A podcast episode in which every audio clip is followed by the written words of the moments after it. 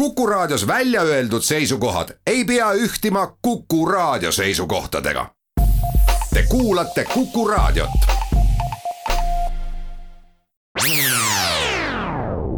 Restart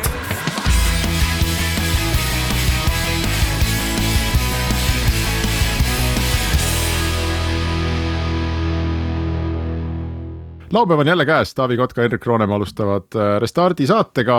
Rõõm on äh, kõigi kuulajatega taas kohtuda ja täna me, äh, tundub, et reisime jälle tehisintellekti radadel, nagu meil siin viimasel ajal täitsa kombeks on saanud.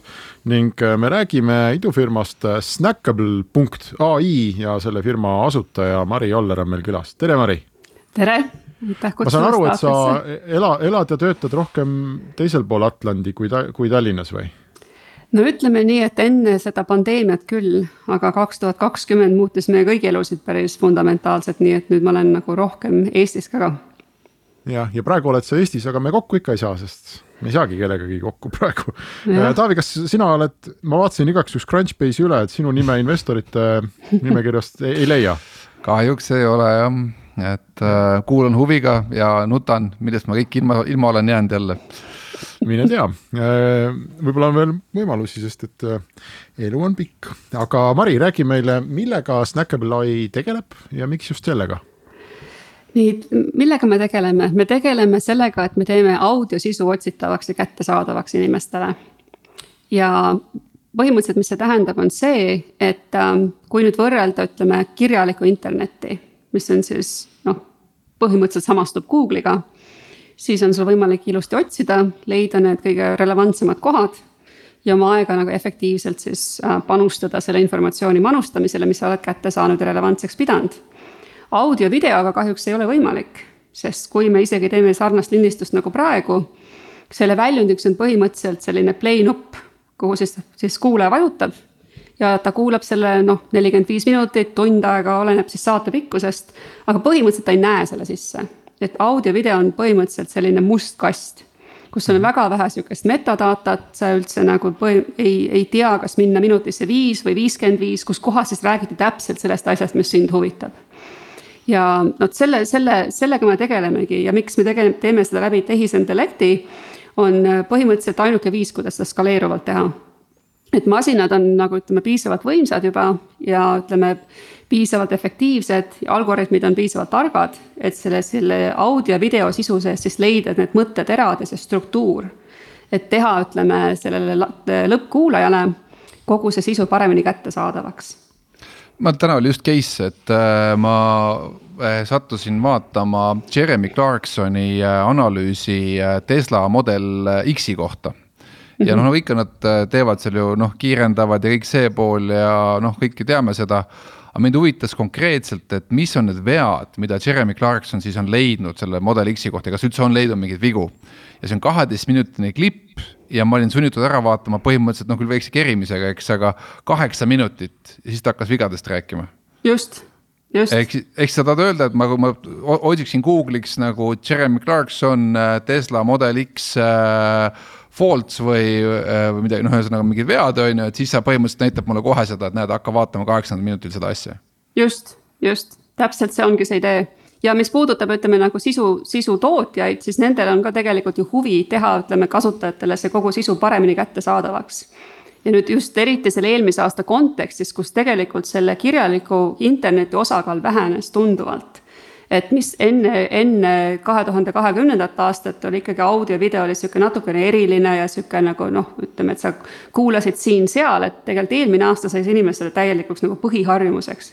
kõik vestlused, kõik üritused, kõik webinarid mainekujundus, nagu mõttekojad, need kõik läksid videosse ja see oli kõik audiopõhine video põhimõtteliselt, noh nagu meiegi praegu siin räägime et me küll näeme üksteist siin Zoom'is või mis iganes see videokonverentsi tööriist on teil, aga kasutame päeva lõpuks ikkagist audio osa sellest, selle vestluse osa. et nüüd jah, et, et kui inimestel on lihtsalt niivõrd palju kätte saada seda, seda audiosisu, et seal need mõtteterad leida ja tarbijana oma aega kokku hoida, nagu see tegelikult ongi nagu meie põhiväljund aga ühesõnaga, me räägime ikkagi audiost, et et äh, a la siin Aktuaalne Kaamera tegi äh, äh koalitsiooni läbirääkimistest väikse kokkuvõtte, siis äh, näitasid Mailis Repsi näoilmeid äh, võrreldes sellega, mida Kaja Kallas rääkis, on ju. siis ja. neid näoilmeid ma nagu otsida ei saa, on ju, et, et ma ei saa öelda, et et noh, et give me Mailis Repsi nii-öelda üllatunud nägu, on ju, et, et seda sa veel välja ei otsi, et sa otsid ikka ainult teksti see praegu küll jah, ainult teksti, noh, tegelikult ütleme heli et seal helis on ka ikkagi nagu ütleme, osakaal olemas, et see sentiment ja ütleme, heli tugevust või ütleme nagu eh, nende rääkijate vahetumine, et kes on näiteks selline nagu saatejuht, kes on siis külaline. no sealt saab ka tegelikult väga palju välja lugeda, et noh, tõesti, ütleme pilti me täna ei vaata et, et seda Mailis Repsi ilmet me ei oleks näinud selle videokaamera kaudu, vaid me oleks võib-olla siis tema vastuse kaudu leidnud seal mingisuguse, ütleme, sentimendi, mis oleks siis näidanud, kuidas ta tegelikult võib-olla siis sõnadele vaatamata reageeris sellele kellegi teise kommentaarile aga põhimõtteliselt see on ikkagi siis nagu see ai, mis nii-öelda transkriptib, aga ta suudab transkriptida täna ikkagi jätkuvalt ju ainult nii-öelda enamlevinud keeli, et noh, et, et sellised mm -hmm. mikrokeeled nagu eesti keel või soome keel näiteks, et sinna see tehnoloogia ikkagi ei ulatu veel ta ulatub väga hästi, tegelikult Eestis on päris palju head tööd tehtud selle kõne, kõnetuvastuse alal. Äh, Tallinna Tehnikaülikoolis ja Tartu Ülikoolis. tegelikult, kui me Snackable'iga peale hakkasime, siis me saime, siis me tegimegi koostöölepingu mõlema ülikooliga ja saime tegelikult väga palju sealt seda masinaõppe nagu abi ja kogu seda nii-öelda brain trust'i kasutada et äh, meie küll täna äh, Snackabulis ainult äh, töötleme inglise keelt, aga see tuleneb ka sellest, et me oleme startup ja siis peame ikkagi nagu fokusseerima ja USA turg on suur, homogeenne, väga palju inimesi räägib inglise keelt, et sellise otsuse me tegime. aga tegelikult juba väga, see tehnoloogia on üsna lai, nagu äh, kõvasti laienenud, kaasa arvatud sellistele nii-öelda mikrokeeltele, nagu sa ütlesid, Taavi, et nagu eesti keel aga mis see, ma mõtlen, mis see selline lõppväljund tarbija poolest nagu on, et äh, noh, et kui, kui mul on mingi konverentsi, ma ei tea, salvestus näiteks Youtube'is mm -hmm. või mingis videokeskkonnas ja mind huvitab ma ei tea, kolleeg Kotka näiteks on käinud seal midagi rääkimas, väga huvitav, ma tahan just teada, et kunas igavad inimesed ära rääkisid, et kunas see Kotka osa hakkas. noh, et üldjuhul konverentsi korraldaja on, eks ole, pannud selle kirja, et noh mm -hmm., minutist nelikümmend viis on Kotka ja no siis ma vaatan seda või, või noh, kui ma otsin AK-st mingit uudisklippi, kus äh, Mailis Reps rääkis, noh siis need on lõigatud tükkideks täna ja pandud, eks ole, kodukale välja või noh, Youtube'is ka samamoodi mm, -hmm. et äh, mul on nagu raske võib-olla praegu näha, et mis minu kui tavatarbija vaatest, et kunas ma sinu teenust tarbida saaks. küll aga ma kujutan väga hästi ette, et kui ma jooksutan mingit firmat ja tahan teada, et noh, mida need elevandid siin väljaspool Eestit minust arvavad ja ja noh, kes minu firma kohta midagi rääkinud on ja seda statistikat koguda, et seda ma nagu teeks või kuidas sa ise seda teenust näed äh,? tegelikult on, on niimoodi, et, et väga palju need ürituste korraldajad ka tegelikult tänapäeval ei lisa seda metadatat või sihukest nagu informatsiooni ümber nende salvestuste. see võib olla küll, kui sa ütleme, et sul on see konverents ja Taavi on rääkinud seal ja sa tead, et noh, et tema, tema see sessioon oli kolmas aga võib-olla sind huvitab selle nagu tunnise sessiooni sees just täpselt mingi spetsiifiline teema, mida ta seal ka nagu käsitles, võib-olla ongi, ta rääkiski sellest Tesla Model X-ist ja nendest vigadest, et tegelikult ma ei ole kahjuks aega isegi Taavit tund aega kuulata, ma hea meelega kuulaks seda viis minutit. ja siis ongi see küsimus, et okei okay,, et kus ma need viis minutit leian? Et noh, ongi see, et sa lähed, ütleme noh, tegelikult on väga huvitav analoogia minu meelest on just, et eelmine aasta plahvatuslikult kasvasid kaks ala, üks oli e-kaubandus ja teine oli audio-video ja e-kaubanduses on kõige selline, kõige mõjukam leht on see tooteleht. näiteks sa oled Amazoni midagi otsima, ostma, sa lähed kohe selle tootelehele, siis otsid, näiteks ostad endale kõrvaklappe siis sa valid, sa vaatad neid iga nurga alt, sa näed, kus nad tehtud on. seal on sul, ütleme, sul on seal mingi see kirjeldus, et täpselt, mis dimensioonid ja kui palju helivõimsus ja nii edasi, nii edasi. ja kust maal ta toodetud on, kes seal mingid inimesed on oma mingeid neid äh, arvamusi jätnud ja selle põhjal sa siis tegelikult kas vajutad või vajuta seda ostunuppu. Kui sa lähed nagu noh, siis ühesõnaga see see, see tootja või see, see kaubanduskeskus, see on ikkagi nagu noh, sinule kui tarbijale mõelnud sinu aja kokkuhoiule ja sinu informeerimisele, et sinna otsuseni jõuda. et kas ma ostan või ma ei osta. nagu audio-video puhul see täiesti puudub. et sulle antakse, et noh, et mine kuula seda webinari, et see on tund aega pikk. ja sa lähed sinna leheküljele, sa näedki lihtsalt seda musta kasti, seal on play nupp on peal. võib-olla sul on mingisugune väike see kirjeldus seal all, eks sul on seal mingi pealkiri oleneb, kui palju see inimene, kes selle on teinud, selle ühe sessiooni, on siis vaeva näinud sellega aga sul ei ole näiteks sellist, ütleme noh äh, sisukorda või peatükke või ütleme, siukseid nagu ütleme, tsitaate, nagu häid tsitaate või sihukest nagu kokkuvõtet. mille põhjal sa teeksidki selle otsuse, et noh, kas ma kuulan seda tund aega või oo, et siin viies peatükk ongi see, kus ta räägib selle Model X-i vigadest, ma lähen just sinna. ja panustan sinna oma väärtuslikud viis minutit. et põhiliselt nagu meie kui tarbija peale pole seal mõeldud. Et noh, seda viga me üritamegi nüüd kohe esimese sammuna parandada ja kui sa, ütleme, lisad sellele veel selle kohut-, plahvatusliku kasvu, kus audio-video on muutunud nagu inimeste nagu tavaelu suureks osaks ja seda sisu on lihtsalt niivõrd-niivõrd palju, siis see, siis on veelgi olulisem, et, et inimeste ette just viia selline nagu läbipaistvus.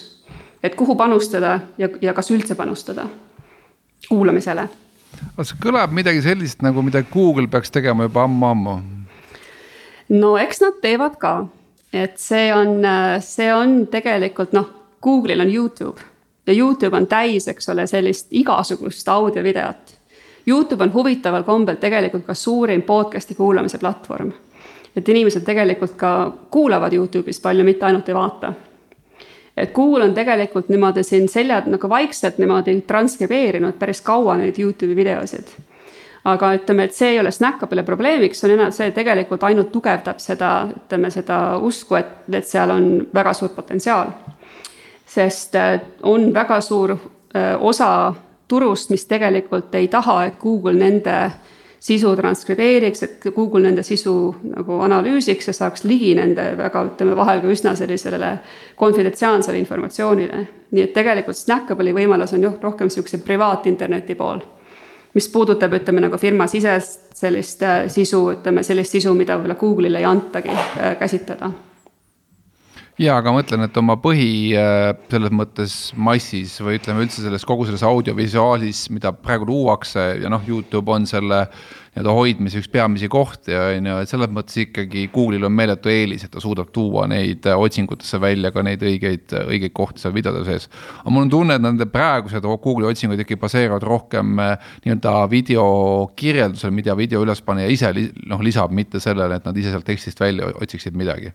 just see on küll õige, jah okei okay,, aga võib-olla teeks siia pausi ja siis äh, läheme Snackable'i tegemiste juurde detailsemalt. Restart.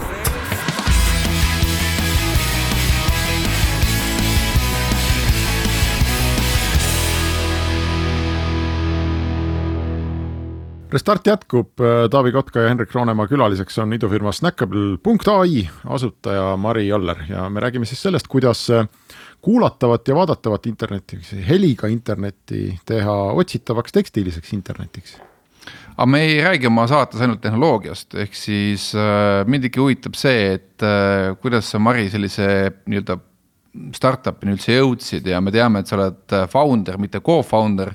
ehk siis kuidas üldse üks äh, nii-öelda äh, üksik, äh, üksinda ettevõtet alustada või üksik, üksinda startup'i alustada, minu jaoks tundub alati nagu tohutu saavutus, et äh, see risk, et sa hakkad seda teed üksinda kõndima, on alati nii suur, et et kuidagi võiks nagu jagada seda koormat ikkagi või seda muret nagu vaata, Vene multikas oli Grishast, kes pidi mure jagama ära teistega, et et äh, räägi see lugu ära, et äh, kuidas see sündis, kuhu sa jõudsid ja kuhu sa siis täna oled jõudnud, et kas noh, mis faasis sa nii-öelda oled, on ju, et kas sa oled juba miljardär, kas sa oled veel miljonär või oled veel äh, äh, nii-öelda kapis?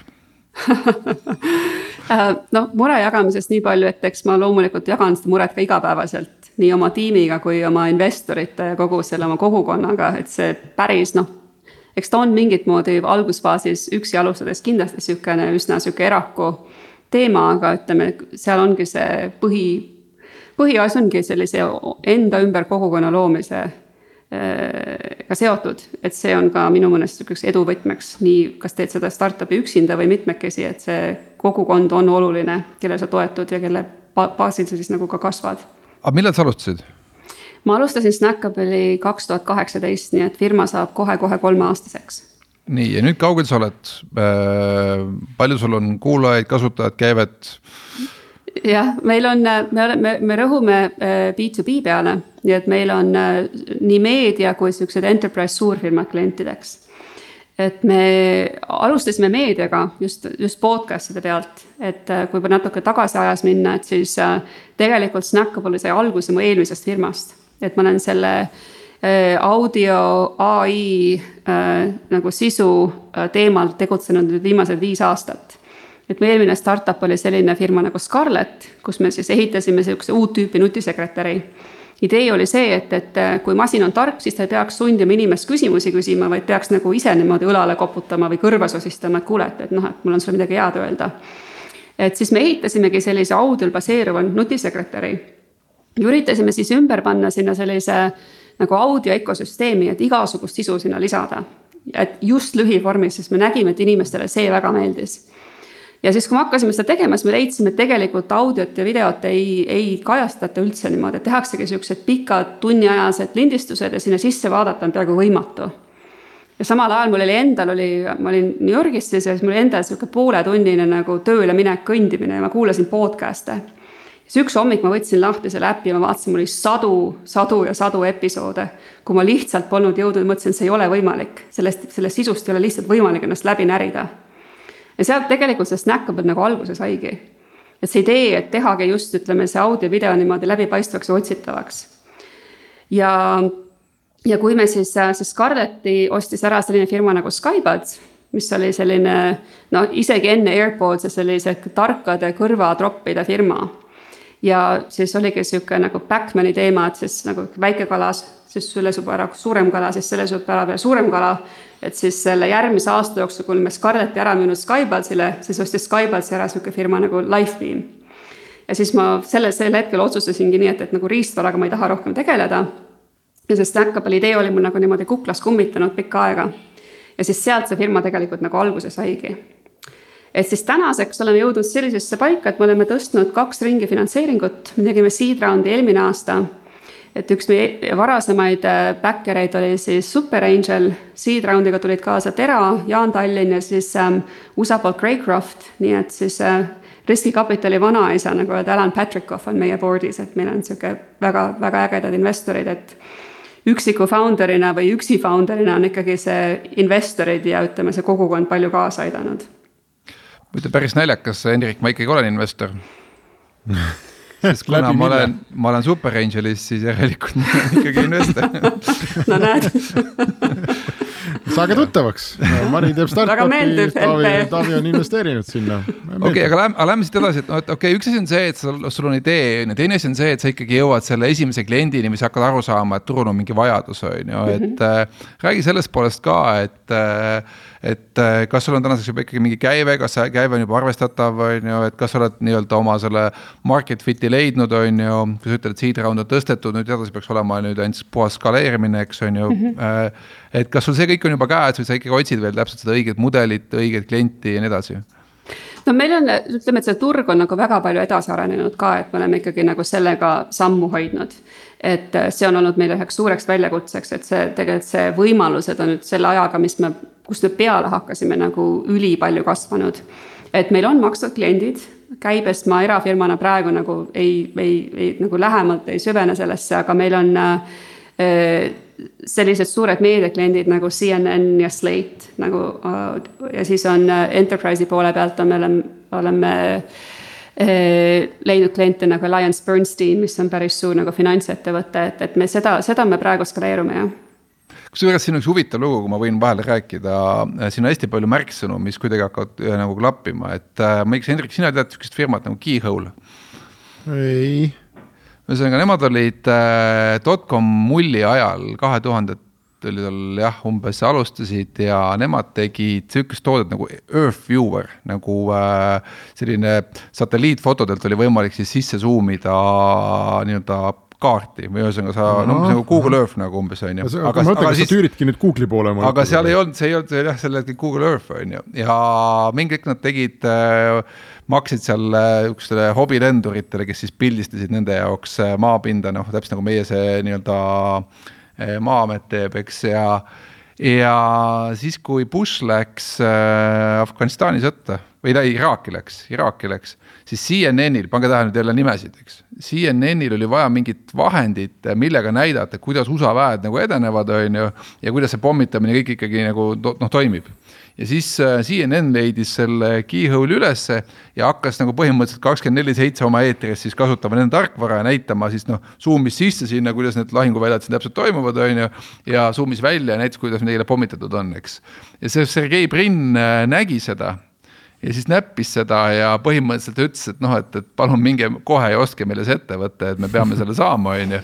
ehk siis ja, ja see on tegelikult äh, kogu alguspunkt, et siis äh, paar väga nutikat Taani inseneri panid äh, selle Earthviewer'i siis nii-öelda Google'i süsteemis tööle ja, ja optimeerisid ta ära, nii et ta oli noh, nii-öelda superkiire, nagu me täna teda kasutame, eks on ju.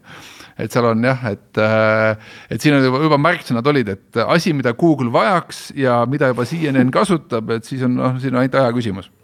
me ei hakka praegu spekuleerima.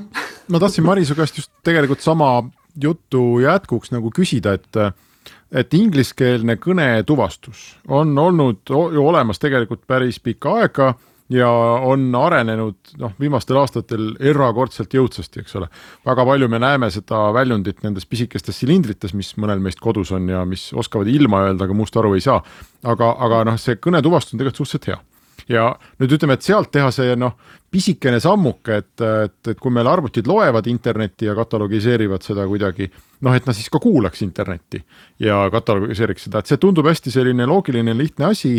noh, mida võiks teha peale Google'i, eks ole, noh, kõik noh, kõigil suurtel firmadel on ju need kõnetuvastustehnoloogiad nagu olemas, et kui palju teie ise arendate noh, nullist nagu oma sellist tehnoloogilist poolt välja ja kui palju on see selliste olemasolevate legoklotside nagu kokkupanek, et võtame sealt jupi tarkvara, mis saab aru, mida räägitakse, võtame, kirjutame ise juurde mingisuguse noh, paneme seal andmebaasi põhimõtteliselt on ju ja siis C muudame selle otsitavaks mm. -hmm. noh, see, see, kui sa alguses alustada, siis kindlasti nagu kõike nullist teha tundub ka nagu võib-olla nagu liiga suur ettevõtmine, sa ikka kasutad neid asju, mis olemas on. ja kõnetuvastus on jah, tõesti olnud pikka aega olemas, aga ta on ka meeletult arenenud just masinaõppe baasil et need nagu see viimane areng on tõesti nagu sihuke hokikepi sarnane olnud, et, et noh, ütleme see täpsus ja ütleme, paljudes keeltes seda saab nüüd kasutada ja kui palju ta nagu tõesti nagu ütleme jutumärkides aru saab sellest tekstist, et nagu konteksti vaatab ja mitte ainult ei ürita niimoodi tuimalt neid sõnu seal siis noh, kirja panna. et äh, noh, meie põhimõtteliselt ka alustasime sellest, et me enda kõnetuvastajat ei teinud. me tegime partnerluse, me analüüsisime kõiki neid suurimaid tegijaid ja alles nagu lähiminevikus tegelikult läksime enda kõnetuvastuse peale. sest tegelikult meie väärtuse loomine on kõik see, mis see kõnetuvastuse peal on et mhm. sellest struktuurist arusaamine, sellest nagu ütleme, kontekstist arusaamine, kogu see, mis tegelikult nagu noh, mis inimesele nagu selle jutu nagu mõistvaks teeb aga mõtlen, äh, Henrik jälle, kas äh, minu meelest meedia monitooringu töövahendid ka juba päris ammu suudavad sulle, ütleme, a la telekas tuleb AK, on ju, nad äh, pinnivad sulle ära täpselt nagu selle õige koha, et näed, et tõesti äh, Sven Sester hakkas nüüd rääkima täpselt selle koha pealt, on ju, ja rääkis seda juttu, on ju.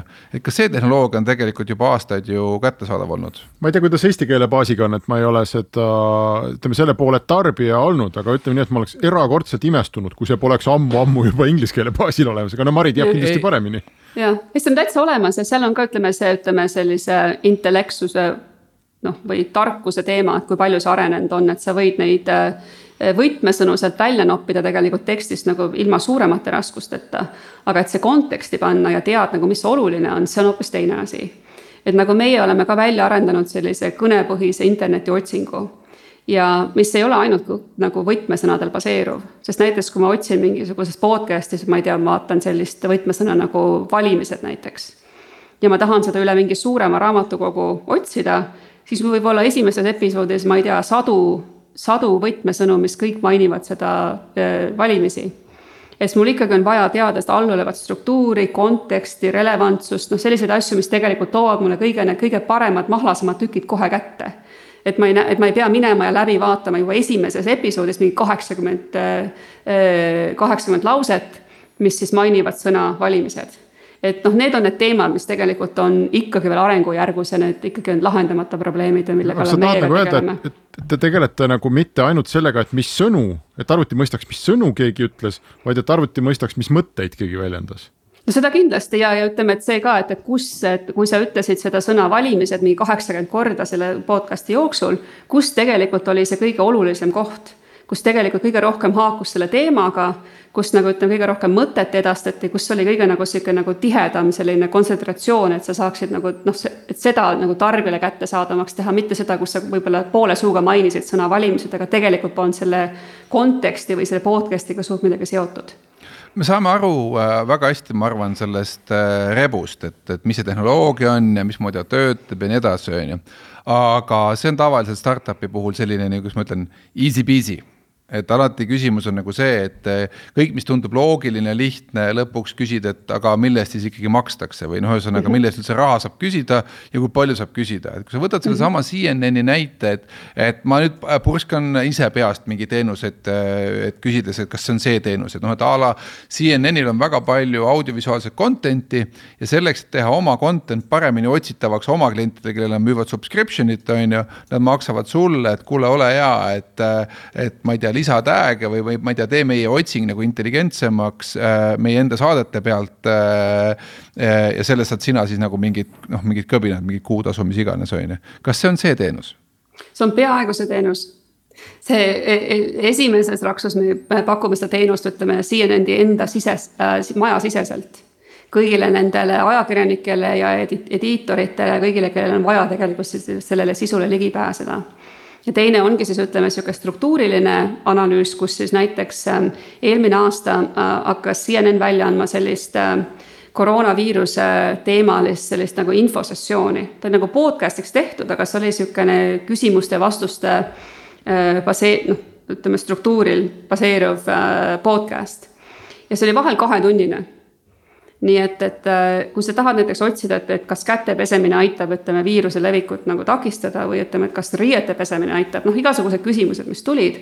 ja sa lihtsalt tarbijana ei leidnud seda sealt seest välja ja siis nad, mis nad kasutasid meie tehnoloogiat, et tehagi see kogu see pikk jupp, kahetunnine jupp selliseks lühikesteks nagu Q and A äh, klippideks.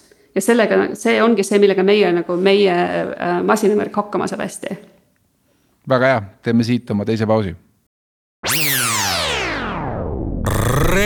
Restart.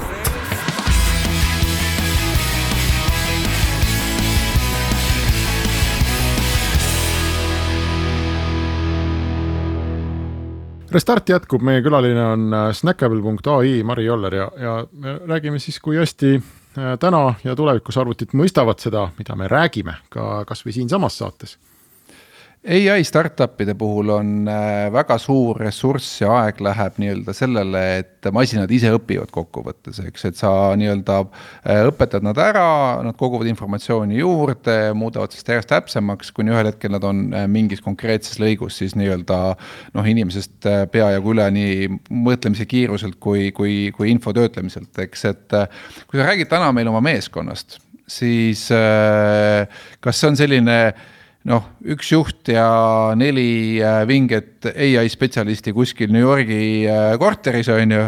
või see on äh, kuus tuhat inimest Indias või ühesõnaga, mis tüüpi äri sul on üldse? no meil on ikkagi selles mõttes on meil mas masinaõpe ja, ja ai äri, et me tei-, me tiim on üksteist inimest täna ja sellest ütleme, sellest üheksa on väga tehnilised et seal on nii masinaõppetiim kui ka ütleme, sihuke tava, tavalisem inseneritiim, tootedisain äh, ja ega seal väga palju rohkem polegi. et see kommertsosa on enamus jaolt ikkagi nagu minu ja veel ühe partneri kanda aga mõtlengi, et kui lihtne sul seda asja üldse müüa on, et äh, käid ja lihtsalt koputad ukselt uksele või mismoodi see käib? no me alustasime tegelikult seda firma nii et, et me väga esimesest päevast saadik juba läksime potentsiaalsete klientide ette ja me tegime väga sellise detailse sellise uuringu nii-öelda. et kas see on probleemiks, kui tõsine probleem see on, kas selle probleemi eest makstakse, kui nagu, kui, kui kiire neil selle probleemi lahendamisega on. et olla kohe nagu algusest kindel ja hakata kohe klientidega koos arendama seda. et isegi kui see tol hetkel see masina nagu enda nagu võime ei olnud veel olemas oli olemas meil päris selge arusaam, et kuhu see firma peaks jõudma, kes selle eest maksab ja mismoodi see nagu see äri nagu skaleerituna välja võiks näha aga mõtlengi, et kas see toode on nii standardiseeritav või see on ikkagi pigem selline, et noh, CNN-i jaoks üks variant ja BBC jaoks teine variant ei, nad on ikka päris, aga ütleme, et see, see sellest vorstivabrikust tuleb ikka nagu põhimõtteliselt üks sama asi välja. et selles mõttes ikkagi ta ei ole konsultatsiooni äri, et me teeme nüüd ühele kliendile sellise lahenduse, teisele teistsuguse lahenduse. eks muidugi seal selle katuse all on nagu erinevaid võib-olla noh, kasvõi sisutüüpe et vaadata seda, et noh, et kas igale asja, igale ütleme sisutüübile näiteks meil on lihtsalt praegu selline vabam äh, vestlus, kui meil oleks niisugune väga struktureeritud niisugune küsimus-vastus või meil oleks näiteks uudistesaade või meil oleks selline webinar, kus räägib ainult üks inimene, siis kindlasti ei saa nagu kõike seda, kõike sisu nagu ühe mütsiga lüüa. aga see on ikkagi, ütleme, skaleerituna niisugune standardiseeritav, et ta ei ole päris nii, et, et igale, igale ühele oma asi. sul on täna seed round äh, nii-öelda finantseeritud, sa töötad selle rahaga. kui pikalt sul seda Ranoveid veel on ja, ja millal me siis ikkagi juba A-raundi näeme?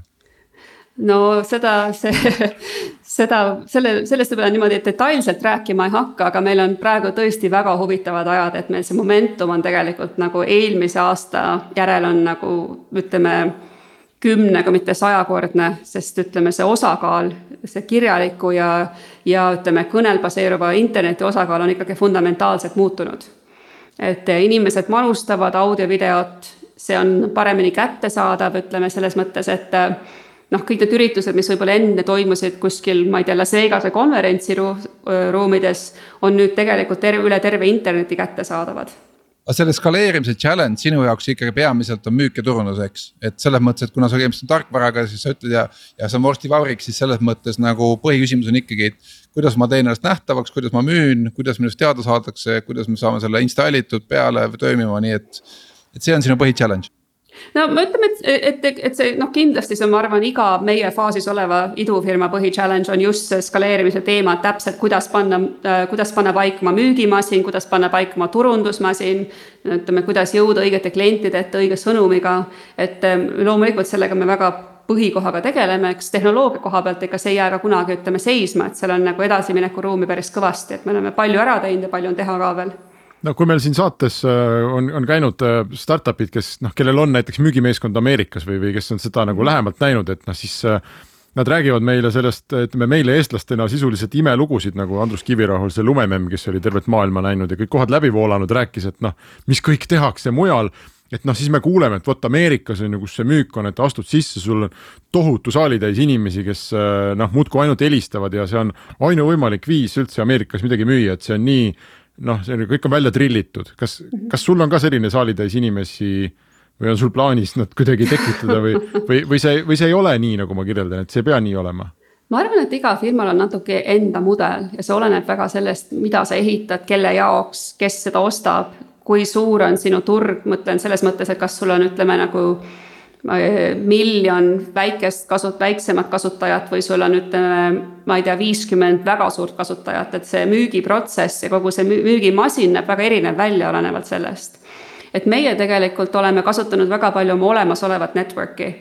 et kuna ma olen nagu sellel alal tegelenud, kui me nagu just, kui me alustasime, siis me väga palju kasutasime ära neid, neid suhteid ja neid, seda network'i, mis meil juba olemas oli et nende inimeste käest just tagasisidet saada et äh, noh, esimesed kliendid, kelle, kellega me nagu lepingut sõlmimise, sõlmisime, oligi rohkem sihuke konsultatiivne müümine, et me ise tegelikult õppisime ka.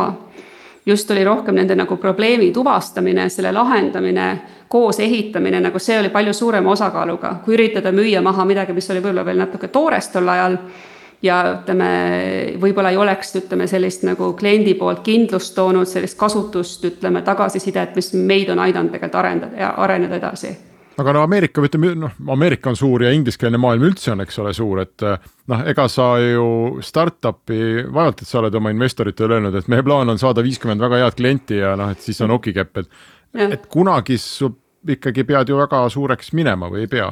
ikka, ikka. ja siis on see võimlatäis äh, ülis-, ülikonnas mehi ja naisi plaanis ülikonnas, ülikonnas vaevalt enam tänapäeval. Või et no. ütleme, et ega nad kõik need New Yorgis enam ka ei ole peale seda pandeemia lõppu, et ma kindlasti näen, et palju inimesi hakkab töötama sealt, kus nad ise heaks peavad. Aga siis aga... on sul neid vaja, ühesõnaga, siis on sul seda mudelit vaja või ei ole? mingil määral kindlasti, ma ei ütleks, et see saalitäis on, aga eks see müügimasin on ikka see, et sa pead leidma endale inimesed, kes ukse lahti teevad, kes teevad selle eeltöö, leiavad need kliendid teevad selle eeltöö, helistavad, kirjutavad, loovad suhteid ja siis on sul see müügimeeskond, siis tegelikult siis, kes need kliendid siis nagu käest kinni võtab ja läbi siis läbi üle finišijoone viib. et noh, see, see on ikkagi nagu ajastuse teema ja ütleme, see on väga seotud, ütleme, see toote product market fit'i leidmisega ja kogu noh, skaleerimise protsessiga aga see ei ole su esimene startup, nagu sa ütlesid, sa e-, eelmise startup'i müüsid maha, et kas selle eelmise müügiga nii-öelda isu täis ei saanud, et äh, ta aitab küll, et kaua me siin ikka pusime ja nii edasi, on ju, et. Äh, et või ma ei tea, tuli juba miljoneid, tuli juba kontole, et mis seal ikka enam on ju, et noh, et juba teenitud ka ma arvan, et see on rohkem, ütleme nagu seotud sellega, et mulle meeldib selliseid probleeme lahendada ja leida selle noh, leida asju, mis teeksid nagu inimese sellise igapäevase elu nagu paremaks ja huvitavamaks ja nagu see Snackable'i teema oli juba tegelikult niimoodi, kummitas mul juba päris pikka aega, isegi enne seda, kui me Scarletti ära müüsime. et kuidagi vist ei, ei, ei, ei tahtnud niisama ka lihtsalt äh, ootele jääda, et nägin seda probleemi ja tahtsin seda lahendama hakata aga selle eelmise asja müük oli nii-öelda loogiline exit ja hea exit või see oli pigem sihuke sund exit, et nagu, et kuna ise ei jõudnud väga kaugele, et siis tuli ikkagi nii-öelda tehnoloogia maha müüa? Ta oli hea exit selles mõttes, et ta oli nagu väga hea variant, kuidas nagu seda meie, meie tehnoloog-, välja ehitatud tehnoloogiat nagu edasi rakendada. et kuna me ehitasime nutisekretäri, kes nagu ideaalselt kõrva sosistas sulle informatsiooni, siis oli nagu hea müüa nendele kõrva, kõrvaklapi firmale. et kui sa noh, sosistad kõrva, siis peaks neil kõrvas ka olema, kuhu sosistada ja sealt see nagu edasi areneski, et seda firmat alustades on hästi raske seda ette, ette näha, mismoodi tegelikult nagu võimalused tekivad. ja kuidas nendest võimalustest kinni võtta, kui nad tekivad, sest ajastus on üks, nagu te isegi olete kindlasti palju kuulnud, et ajastus on tegelikult see, mis väga palju loeb mm. -hmm. ei no nii on jah ma just mõtlesin seda, et, et see tundub, et, et Next juba startup idega kunagi tegelema on hakanud, et nad jäävadki neid tegema, et isegi kui vahepeal on edukaid exit eid, siis nad ikkagi jätkavad, sellepärast et see on midagi, mida sa oskad. ta annab väga palju vabadust sulle ettevõtjana, noh erinevalt näiteks, kui sa teeksid mingit tehase ja alustad näiteks laenurahaga on ju, et siis istub sul see pank seal kukil ja, ja küsib ja annab sulle jao pärast, et ahah, nüüd said selle liini installitud, nii davai, nüüd siit liini pealt olgu äh,. kuuskümmend tuhat toodet tulgu, siis me saame natuke kapitali tagasi, siis me anname natuke kapitali juurde, on ju. et selles mõttes nagu kogu see startup maailm ikkagi on, on meeletult, meeletult palju vabam, et siis sa mängid kellegi teise rahaga. ja tagasi maksma ei pea, kui halvasti läheb noh, eks seal ikka nagu neid nüansse on rohkem, on ju, et see on ikkagi enda aja investeerimine ka, et see on see üks asi, mida me kunagi tagasi ei saa, on enda aeg. ja see, kuidas me seda väärtustame, mille alla me seda nagu investeerime, see on minu meelest ka nagu minu jaoks vähemalt üks olulisemaid asju et eh, see vastutus raha eest on kindlasti olemas, et sa ei võta ju endale investeeringut ja lihtsalt ei tee mitte midagi, et sa ikkagi tahad selle oma investeeritud ajaga midagi saavutada ja ikkagi nagu seda noh, investeeringule ikkagi nagu tulu tuua see, et sa ise oled New Yorgis, sellest me saame aru, sest noh, see on ikkagi, pead olema kliendile lähedal ja see on peamine koht, kus müüa, eks. Mhm. aga su meeskond, ma saan aru, et see on ka Ameerikas peamiselt? ei ole, meil ei on ole. tegelikult päris palju inimesi Eestis. et me oleme nii üks, üks jalg ühe, ühel pool ja teine jalg teisel pool Atlandi. Aga sa veel ikka leiad ai inimesi Eestis või nad ei olegi kõik juba ära ostetud meie suurte poolt? Oleme leidnud, oleme leidnud, et äh, alustades me vist mainisin, me tegime koostööd siin äh, Tallinna Tehnikaülikooli ja Tartu Ülikooliga, siis tegelikult saime ka nagu päris lähedalt tuttavaks selle Eesti tehisintellekti seltskonnaga ja sealt oleme nagu suutnud talenti leida ka et äh, mul endal on nagu väga hea meel ja nagu sihuke nagu kuidagi missioonitunnet, et äh, tulin ka üle pika aja jälle uuesti Eestisse tagasi. ja siis äh, panime pool tiimi siin püsti, et see on nagu meil väga-väga tore olnud, noh muidugi me räägime tänapäeval Eestis väga palju sellest, kui, kui lahe meil on talent ja kui hea on siin firmasid ehitada kõik, aga tegelikult see jaht talendi pea üle on ka tegelikult päris kuumaks läinud. selles mõttes ikkagi on noh, paneb mõtlema ma mõtlengi, et see on praegu nii-öelda promo kohta, on ju, et me oleme seda Henrikuga varem ka küsinud, et, et kui me peaksime, esiteks kui me, me tahame sind tagasi kutsuda, aga millal sinu arvates praegu oleks õige aeg kutsuda, kas aasta pärast või pigem kahe aasta pärast? ja juhul, kui üks või teine vastus, siis äh, Snackable, mis on muidugi kohutav nime, ma mõtlesin, et see on mingi toidu, toidu startup on ju. no Snackable on ju noh et. ja mul on ka Snickersid on praegu, mul on, ma pole lõunat ka jõudnud süüa, Snickersid tõuguvad silme ees praegu, kui ma sinuga räägin no ühesõnaga, et, et, et mis siis ettevõte on aasta pärast või kahe aasta pärast? No mina ise ei näe seda nii-öelda kojutulekut nii mustvalgena, kui meil vahel siin nagu poliitikud räägivad siin sellest diasporast, et minu meelest see tagasitulek on rohkem nii, kuidas ennast Eestiga seod. Et minu jaoks on näiteks ideaalne see, et, et meil ongi võimalus siin turgu ehitada räägime Mari saatesse tagasikutsumisest, me ei taha sind siia, noh alati tore, kui inimene tuleb, eks, aga ma Aha. räägin seda, et me teeme uue saate aasta pärast või kahe pärast on ju ja. kuna, kuna ja, on põhjust jah helistada ja, näed. kuna on põhjust helistada jah, et kas nagu aasta pärast tasub või aasta pärast ikka veel otsite, on ju. peaks kahe aasta pärast helistama, on ju, või on nii, et ei, kuulge sõbrad, et läheb nii ülesse ja kõik, kes te praegu ai-d vähegi teete, tulge meile tööle, on ju, et noh, et, et. et kumb variant on praegu no me, meil on kindlasti väga ambitsioonikad plaanid, et me otsime, otsime väga agaralt talenti oma, oma Tallinna meeskonda, nii et, et selle siinkohal kindlasti teeksin selle reklaami, ütleksin, et kui teil on vähegi huvi sellise äh, maailma muutva väga relevantse ajakohase teema vastu nagu sellise kogu helil baseeruva interneti ülesehitamise vastu, siis kindlasti tulge meile tööle. et äh, see on, äh, meil tuleb väga tihe aasta ja meil tuleb väga suur kasvuaasta et, ähm, et siin kindlasti on järgmine aasta väga, väga teistsugune, äh, teistsugune olukord, kus, äh, kui palju meid on tööl, kui äh, nähtavad me oleme, kui palju me oleme suutnud ära teha selle aastaga. Ühesõnaga ja, ja põhimõtteliselt nagu teistpidi on ka lubadus see, et kui meil on siin jälle mingid siuksed äh,, kuidas ma ütlen siis äh, post-truth ajastul keegi väidab, et ma ei ole midagi sellist öelnud või, või, või midagi tollet, tollet väitnud, on ju, et siis sa põhimõtteliselt võtad telefoni välja paned õiged märksõnad ja näed, palun, siin on äh, AK saade kolmteist minut äh,, ütled seda, on ju, et, et põhimõtteliselt need töövahendid muutuvad meil igapäevaseks äh, lähimate kuude, aastate jooksul. Ma arv-, ma arvan, et see on, nagu öeldakse, inevitable selles mõttes, et äh, nii nagu me ei, ei äh, investeeri oma aega tarbijatena äh, informatsiooni, mida me kergesti kätte ei saa ja me ei, nagu ei, ei tea, kas see, kas see investeering nagu ära tasub. ma arvan, et meie lähenemine, kuidas me tarbime audio-videosisu, muutub täpselt samamoodi. no tegelikult, kui ma vaatan, kui suure mm, küsimuse ees on täna ju noh, nii Facebookid, Google'id kui, kui ma ei tea, meediaväljaanded või telekanalid, et. et ähm, ütleme, tehisintellektil põhineb reaalajas toimiv faktikontroll ükskõik, kas ta siis nagu võtab allikana kirjalikku või suulist teksti arvesse, et see oleks ju noh, mitmete suurt, suurte tööstuste päästjaks, ma ütleks tänasel hetkel, et, et Zuckerberg ju kindlasti mõtleb, kuidas noh kuidas panna on ju kõnelejale peale alla seda et punane ring tekib ümber, vale või noh, või, või et õige, et see, see on tegelikult väga kihvt küsimus. See on Facebooki jaoks praegu väga, väga täna, see on Facebooki jaoks praegu ka väga asjakohane küsimus, sest nende jaoks ütleme, kogu selle sisu monitoorimine on üks suurimaid väljakutseid. Ja mida rohkem tuleb neid deepfake'e, mida, mida raskem on meil üldse nagu ütleme, sisu nagu autentsust kontrollida, seda päevakohasemaks saab see ja seda valusamaks saab see probleem nende jaoks Õnneks deepfake'i äh, tarkvara toodetakse ka Eestis, nii et äh, meil on ikka eestlastena. Deepfake, muide nii deep, deepfake'ide tegemise kui selle tuvastamise tarkvara. ei, tuvastamise, tuvastamise tarkvara praegu. tegemise on, ka. on, on eestlaste käes jah ja tege-, me tegeleme mõlema, mõlema otsaga, kui kumba teenust soovid, et siis me, me oleme nõus sulle seda müüma ma arvan, võib-olla tulevikus on üldse nii, et kõik, mis me räägime, jookseb äh, esmalt läbi mingi blockchain'i laadse asja. ja siis, kui ilmub, eks ole, rääkiv pea kotkast, kes ajab mingit täielikku umbluud ja seda blockchain'is ei ole, siis järelikult on fake. jah ja,, näed. no aga väga tore oli. Teiega ka. aitäh kutsumast. Hendrik võtab saate kokku ma võtsingi just, aga ma hea meel on öelda nagu ikka, aitäh kõigile kuulajatele, aitäh äh, Mari sulle ja ma, muide, millal me saame oma eestikeelse saate läbi sinu mootori lasta ja, ja ise ka näha, mis me siin kokku rääkisime? no ootame võib-olla ühe aastakese veel. See on lubadus, me võtame seda lubadusena. nüüd ma ei saa, nüüd ma ei saa seda tagasi ka ajada, te leiate kohe sealt helist üles selle minu ütluse. veebruar kaks tuhat kakskümmend kaks ähm, on siis eesti keeles ka olemas.